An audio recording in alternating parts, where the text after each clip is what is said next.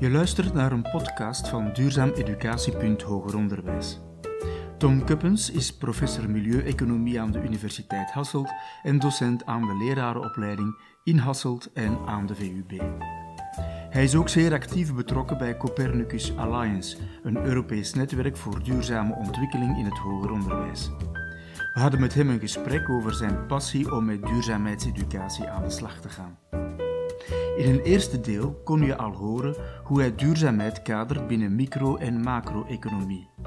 Hoe hij dat linkt met zorg en welbevinden en hoe hij zijn studenten aanmoedigt hun wereldbeeld dat ze aangeleerd hebben telkens weer opnieuw in vraag te stellen. In dit tweede deel vertelt Tom Kuppes hoe hij met kunst en expressie als hefboom toekomstige leraars motiveert om met complexe duurzaamheidsthema's aan de slag te gaan. Hij voert dan ook een pleidooi om via Europese netwerking deze vormen van transformatief leren te verankeren in de curricula. Maar eerst duidt hij hoe hij toekomstige leraars de nodige competenties bijbrengt om met jongeren het debat rond duurzaamheidsthema's aan te gaan. Ik begin meestal met, met tegen de studenten uh, of met de studenten in gesprek te gaan over het belang van duurzaamheid binnen ons vakgebied. En ja, eigenlijk valt dat meestal wel mee. Als we daar dan voldoende argumenten voor, voor hebben opgepakt, dan probeer ik met de studenten na te gaan van ja, oké, wat is er dan nodig om tot meer duurzaamheid te komen? En dan hebben we het terug opnieuw over die, die gedragsverandering en die systeemverandering. En dan gaan we gebruik maken van een aantal aspecten, uh, een aantal didactieken die tot gedragsverandering of systeemverandering kunnen leiden. Dat houdt in dat we een stuk gebruik maken van theorieën uit de psychologie en de marketing, de Theory of Planned Behavior, waardoor dat de studenten eigenlijk inzien dat ons gedrag een stuk gestuurd wordt door onze waarden en normen. Dat wordt gestuurd door ja, de mensen met wie wij ons graag identificeren en conformeren. En dat wordt ook gestuurd door het geloof in het eigen kunnen. Op zich is er wel wat kritiek op die theory of planned behavior, want een, een voldoende kennis of voldoende kennis van zaken of, of, voldoende, een voldoende positieve houding ten opzichte van duurzaamheid is nog geen garantie op effectief duurzaam gedrag. Er zijn heel veel randvoorwaarden die er nog vervuld moeten worden om dat duurzaam gedrag te realiseren. Die, die psychologische aandacht, zeg maar, hè, vanuit die theorie van planned behavior, botst dat soms ook niet op de grenzen van uh, studenten en jongeren die, die zelf in een heel kwetsbare situatie leven. En je hebt daar in het verleden ook al aandacht voor gehad, in het bijzonder de kwetsbare jongeren in Brussel. Ja. Die stellen daar misschien toch wel nog extra vragen bij. Ja. En eer dat zij die stap kunnen zetten, moeten er misschien nog eerst andere barrières overwonnen worden. Vandaar dat ik het perspectief van, de, van transformatief leren eigenlijk nog veel beter vind dan de Theory of Planned Behavior. Het transformatief leren houdt eigenlijk in dat ze hun eigen waarde- en normenkader in vraag gaan stellen, doordat ze op de een of andere manier emotioneel heel erg geraakt worden door een bepaald thema. Dat emotioneel raken zorgt ervoor dat, dat die jongeren ook zichzelf gaan openstellen voor andere perspectieven. En op die manier gaan ze misschien hun waarden en normen bijstellen, vinden ze, bedenken ze ideeën om ofwel een individuele gedrag te veranderen, ofwel misschien de economie te helpen veranderen. Nu, je hebt een punt, hè. Um, die, die jongeren die in, in, in armoede leven, ja, dat zijn vaak de mensen die eigenlijk een hele kleine ecologische voetafdruk hebben. En het zijn ook die jongeren niet die hun individuele gedrag uh, echt moeten gaan veranderen.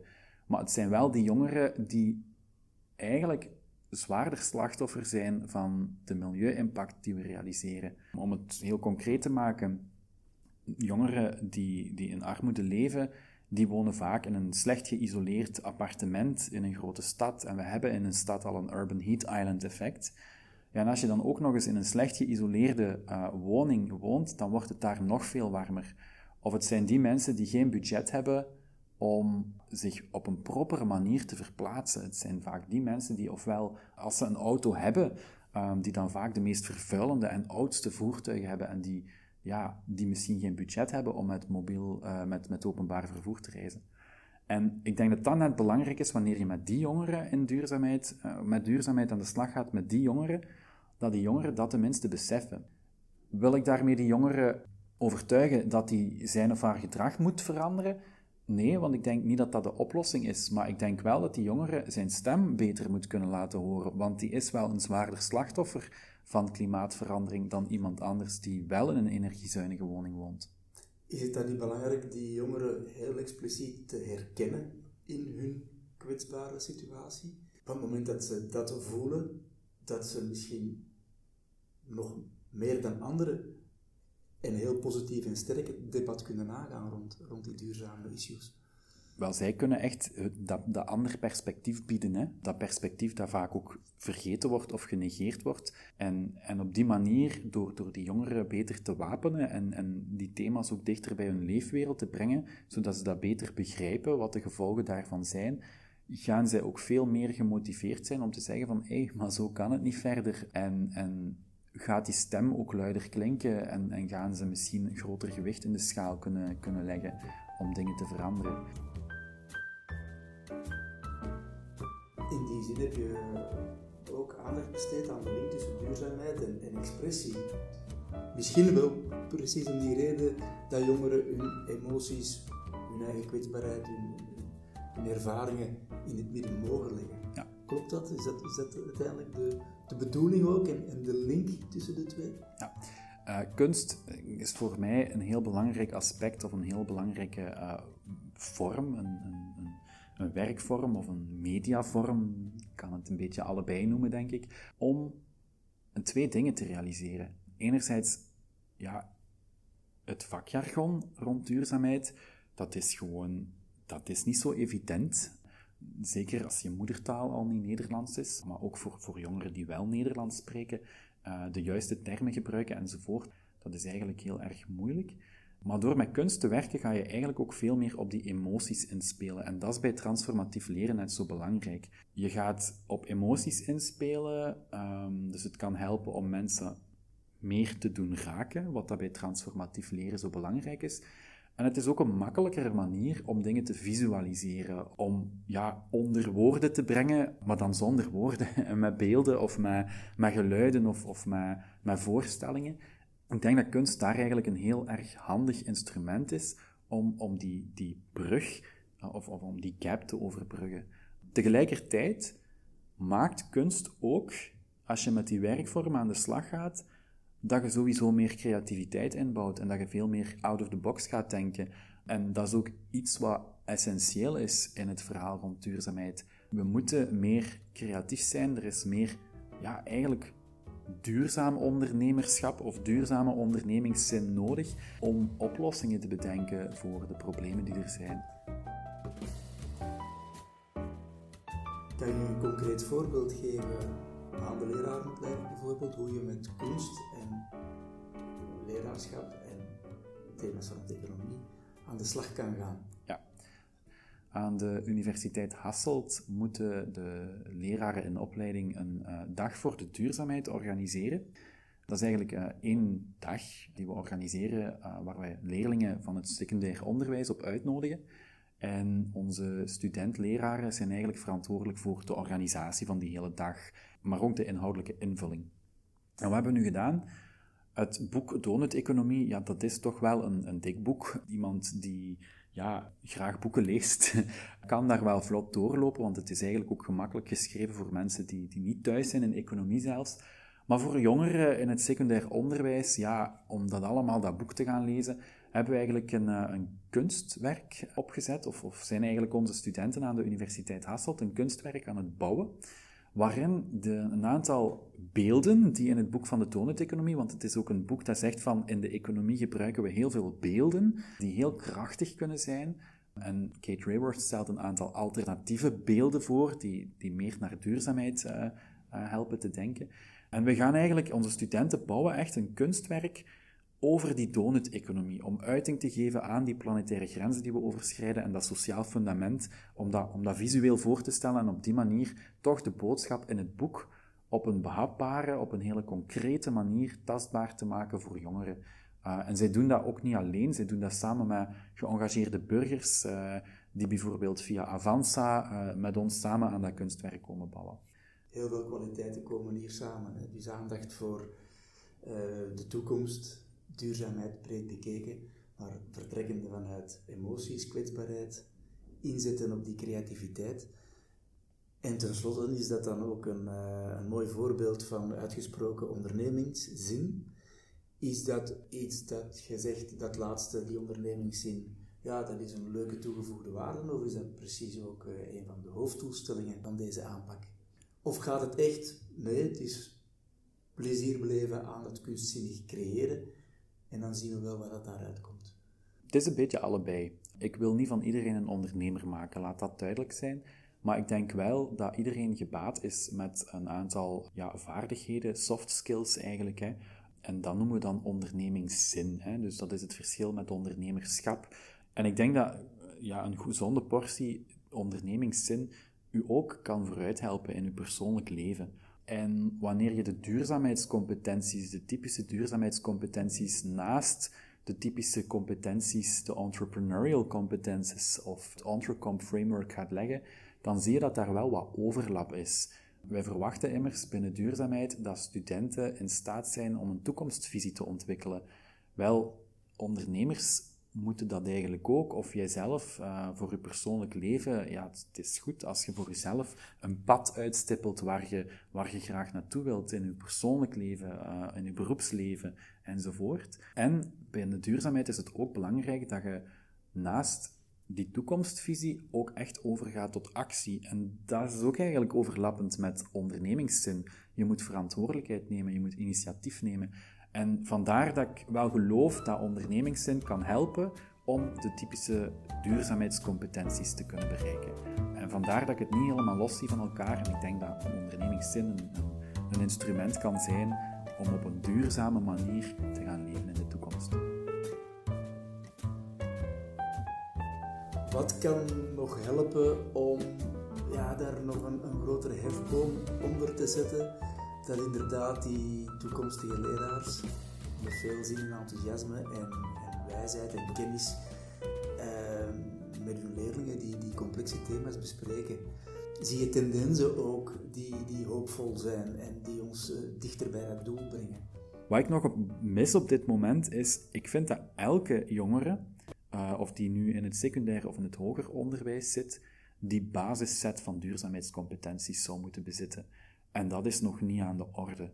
Het is nog sterk kennisgericht en het is nog niet echt competentiegericht.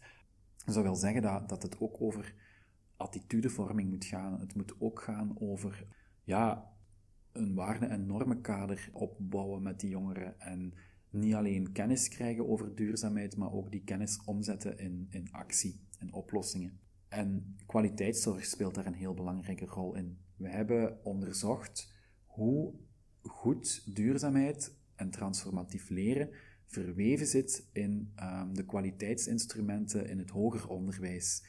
En dan zie je dat dat toch eigenlijk heel erg pover is. En wat, wat goed is om te beseffen, is dat die kwaliteitszorginstrumenten, en dan denk ik bijvoorbeeld aan de NVAO, die in Vlaanderen, de Nederlands-Vlaamse accreditatieorganisatie, ja, wat dat die voorschrijft voor de kwaliteit van het hoger onderwijs, is zo leidend voor, voor de universiteiten en hogescholen.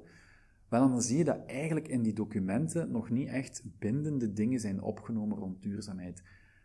Maar je ziet wel dat de documenten die zij voorschrijven, of de voorschriften die zij maken rond kwaliteitszorg, dat die door iedereen gevolgd worden. En in dat opzicht is het denk ik belangrijk om bij de Europese richtlijnen voor kwaliteitszorg in het hoger onderwijs, om daar duurzaamheid en transformatief leren toch een belangrijke plaats in, in te doen krijgen. Dan wordt dat ook opgenomen door de nationale kwaliteitszorgkaders. En dan verwacht ik ook dat dat bij de hoger onderwijsinstellingen ja, meer ingang gaat doen vinden. En zie je het bereikbaar binnen korte tijd? Eigenlijk, ja. Heb je bondgenoten die daar ja. mee voor lobbyen om, om, om dat inderdaad, dat kader daar echt wel sterk te leggen? Ja, je hebt het Europees Netwerk voor Duurzaamheidseducatie in het Hoger Onderwijs, de Copernicus Alliance, die daar bijvoorbeeld heel erg veel werk van wil maken. Wij, willen, wij, willen, wij zijn eigenlijk een lerend netwerk van, van docenten in het hoger onderwijs die ervaringen uitwisselen over Um, ja, hoe kan ik bijvoorbeeld in, in macro-economie of binnen architectuur of binnen, binnen biologie of, of andere wetenschappen uh, of de sociale wetenschappen, hoe kunnen we daar transformatief leren inbrengen voor duurzaamheid? Tegelijkertijd zoeken we ook partnerships met bijvoorbeeld die kwaliteitszorg, met al die accreditatieorganisaties. We willen met die mensen in gesprek gaan om dingen in de richting van meer duurzaamheid te kunnen veranderen. En je ziet ook hele mooie initiatieven. Je ziet ook heel bottom-up, heel veel docenten die, die met veel enthousiasme met duurzaamheid aan de slag gaan. Het enige probleem is dat we soms administratief wat worden tegengehouden in het hoger onderwijs. En curriculumhervorming, dat is geen gemakkelijke oefening. Daar komt ook wel een klein beetje politiek bij kijken. En politiek, dan heb ik het niet over uh, partijpolitiek, maar politiek tussen, ja, uh, als, als er meer duurzaamheid moet komen, dan moet misschien een ander vak sneuvelen hè, uh, in dat opzicht. En, en dat vergt wel wat onderhandelingen en ook de administratieve procedures, die zijn vrij lang. Dus als jij iets wil veranderen in een curriculum en een echte leerlijn wil uitbouwen, ja, dan moet dat echt wel grondig op lang op voorhand voorbereid worden. En dat is een beetje de bottleneck waar we, waar we tegen aanstoten. Maar je ziet wel, uh, ik ben zelf ook altijd heel aangenaam verrast als ik zie collega's waarvan ik het niet meteen wist of verwachtte, dat die toch ook iets met duurzaamheid uh, doen in hun vak. Zelfs in een klassieke cursus als marketing of in een cursus rond ondernemerschap. We zien toch meer en meer docenten die daar betrokken rond zijn. En dat vind ik wel een, een hoopgevende boodschap. Ja, Tom, ik denk dat je met dit voorbeeld, met dit initiatief, een, een heel mooi besluit formuleert ook aan dit enorm boeiende gesprek. Wat mij vooral opviel was uh, jouw hoopvol perspectief. Mm -hmm. Dank u. ja, een, sterk optimistische kijk naar de dingen. Je ziet de barrières liggen, maar, je, maar meer nog, je ziet de, de oplossingen en, en de weg hoe die drempels en barrières uh, naar een meer duurzame samenleving en economie in het bijzonder, hoe dat die kunnen overwonnen worden. Heel hard bedankt. Heel graag Veel gedaan. succes met die studenten. Blijf ze verder uh, aanmoedigen op die manier. Ja, dat gaan we doen. Dat is een beetje mijn levensdoel, dus uh, daar krijg ik heel veel energie van. Dank u wel. Je luisterde naar het tweede deel van een gesprek met Tom Kuppens, milieueconoom en docent aan de lerarenopleiding van de Universiteit Hasselt en aan de VUB. Meer boeiende getuigenissen van lectoren en docenten die met duurzaamheidseducatie aan de slag gaan, vind je op de website van duurzaameducatie.hogeronderwijs.